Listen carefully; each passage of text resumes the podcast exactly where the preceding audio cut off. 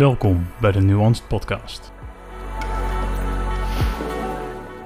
Dit is een aflevering van Stoïcijnse Gedachtes.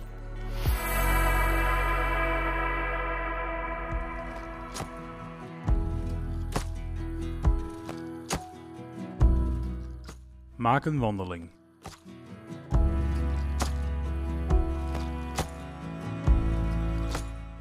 We zouden zwervende wandelingen moeten maken, zodat de geest verfrist en verzorgd wordt door de frisse lucht en de diepe adem. Seneca, On Tranquility of Mind, 17.8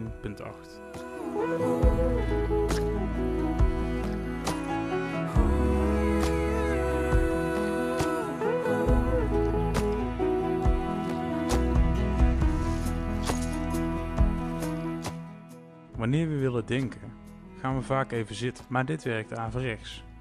Vaak is wandelen de betere oplossing, want onze hersenen zijn ontstaan met beweging in gedachten. We zijn neurologisch gecalibreerd om in beweging te zijn. Dus wanneer je rust zoekt in je hoofd, ga dan wandelen. Wanneer je vastzit op een probleem, ga wandelen. Heb je een één op één gesprek, ga wandelen. Het advies om veel te gaan lopen is iets wat je de laatste jaren echt heel veel hoort. En met goede reden. Het is niet alleen dat het goed is voor je lichaam en voor je conditie en voor je welzijn, maar je denkt letterlijk helderder wanneer je in beweging bent. Denk maar eens na over hoe de mens 10, 15.000 jaar geleden was. Van de 200.000 dat we bestaan. In die periode was het niet eens een reden om op één plek te blijven. En het bijzondere van jagen en verzamelen is dat je ervoor moet bewegen. Kortom, als je onderweg dan in problemen komt, dan ben je in beweging. Om het weer even terug naar het heden te brengen. Je ziet vaak dat de mensen die het beste presteren ook best wel veel sporten. Het is dan ook vreemd dat er niet op elke werkplek gewoon een douche is en een workoutruimte. Want wil je echt op een hoog niveau presteren,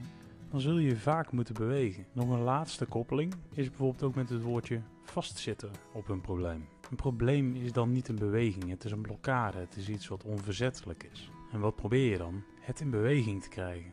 Dus om het advies van dit citaat nogmaals te geven, is ga wandelen. Nog een mooie koppeling met dit citaat in deze aflevering.